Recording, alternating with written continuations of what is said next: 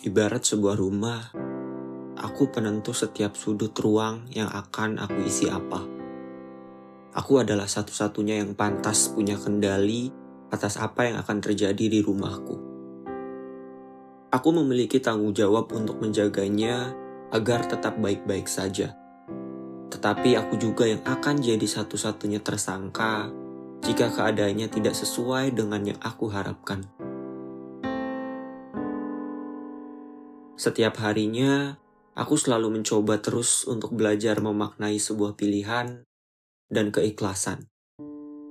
Menyerahkan segalanya kepada pemilik semesta, yang karenanya aku punya kesempatan untuk terus mengenal banyak sekali hal.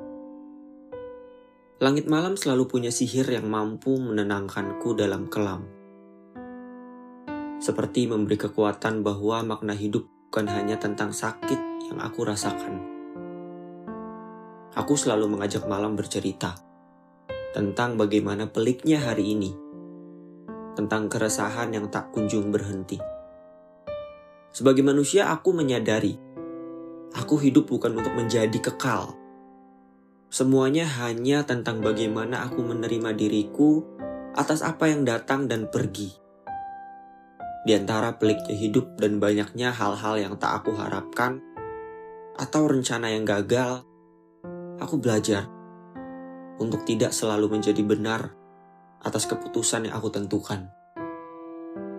Atas ketetapan Tuhan yang sering kali tak sesuai dengan rencanaku. Perlahan aku tahu bahwa makna dari merelakan adalah mendapatkan yang lebih baik. Seperti mengharapkan yang pergi kembali.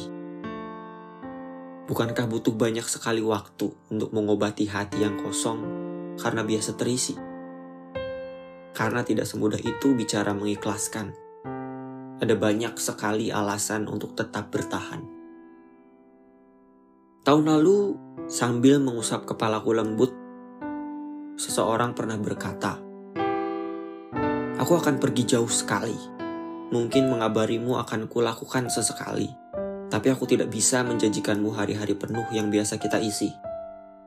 Mari belajar saling mengikhlaskan kamu percaya kan? Sejauh apa pun kita hari ini, seburuk apa pun hari-hari yang akan kita lalui nanti, Tuhan akan mengganti dengan yang lebih baik lagi. Lalu aku merelakannya dengan waktu yang tersedikit. Belajar terbiasa dengan tidak lagi menunggu kabarnya. Aku menetapkan diri bahwa aku adalah rumahku tempat dipendamnya banyak masalah, tempat disimpannya kenangan indah.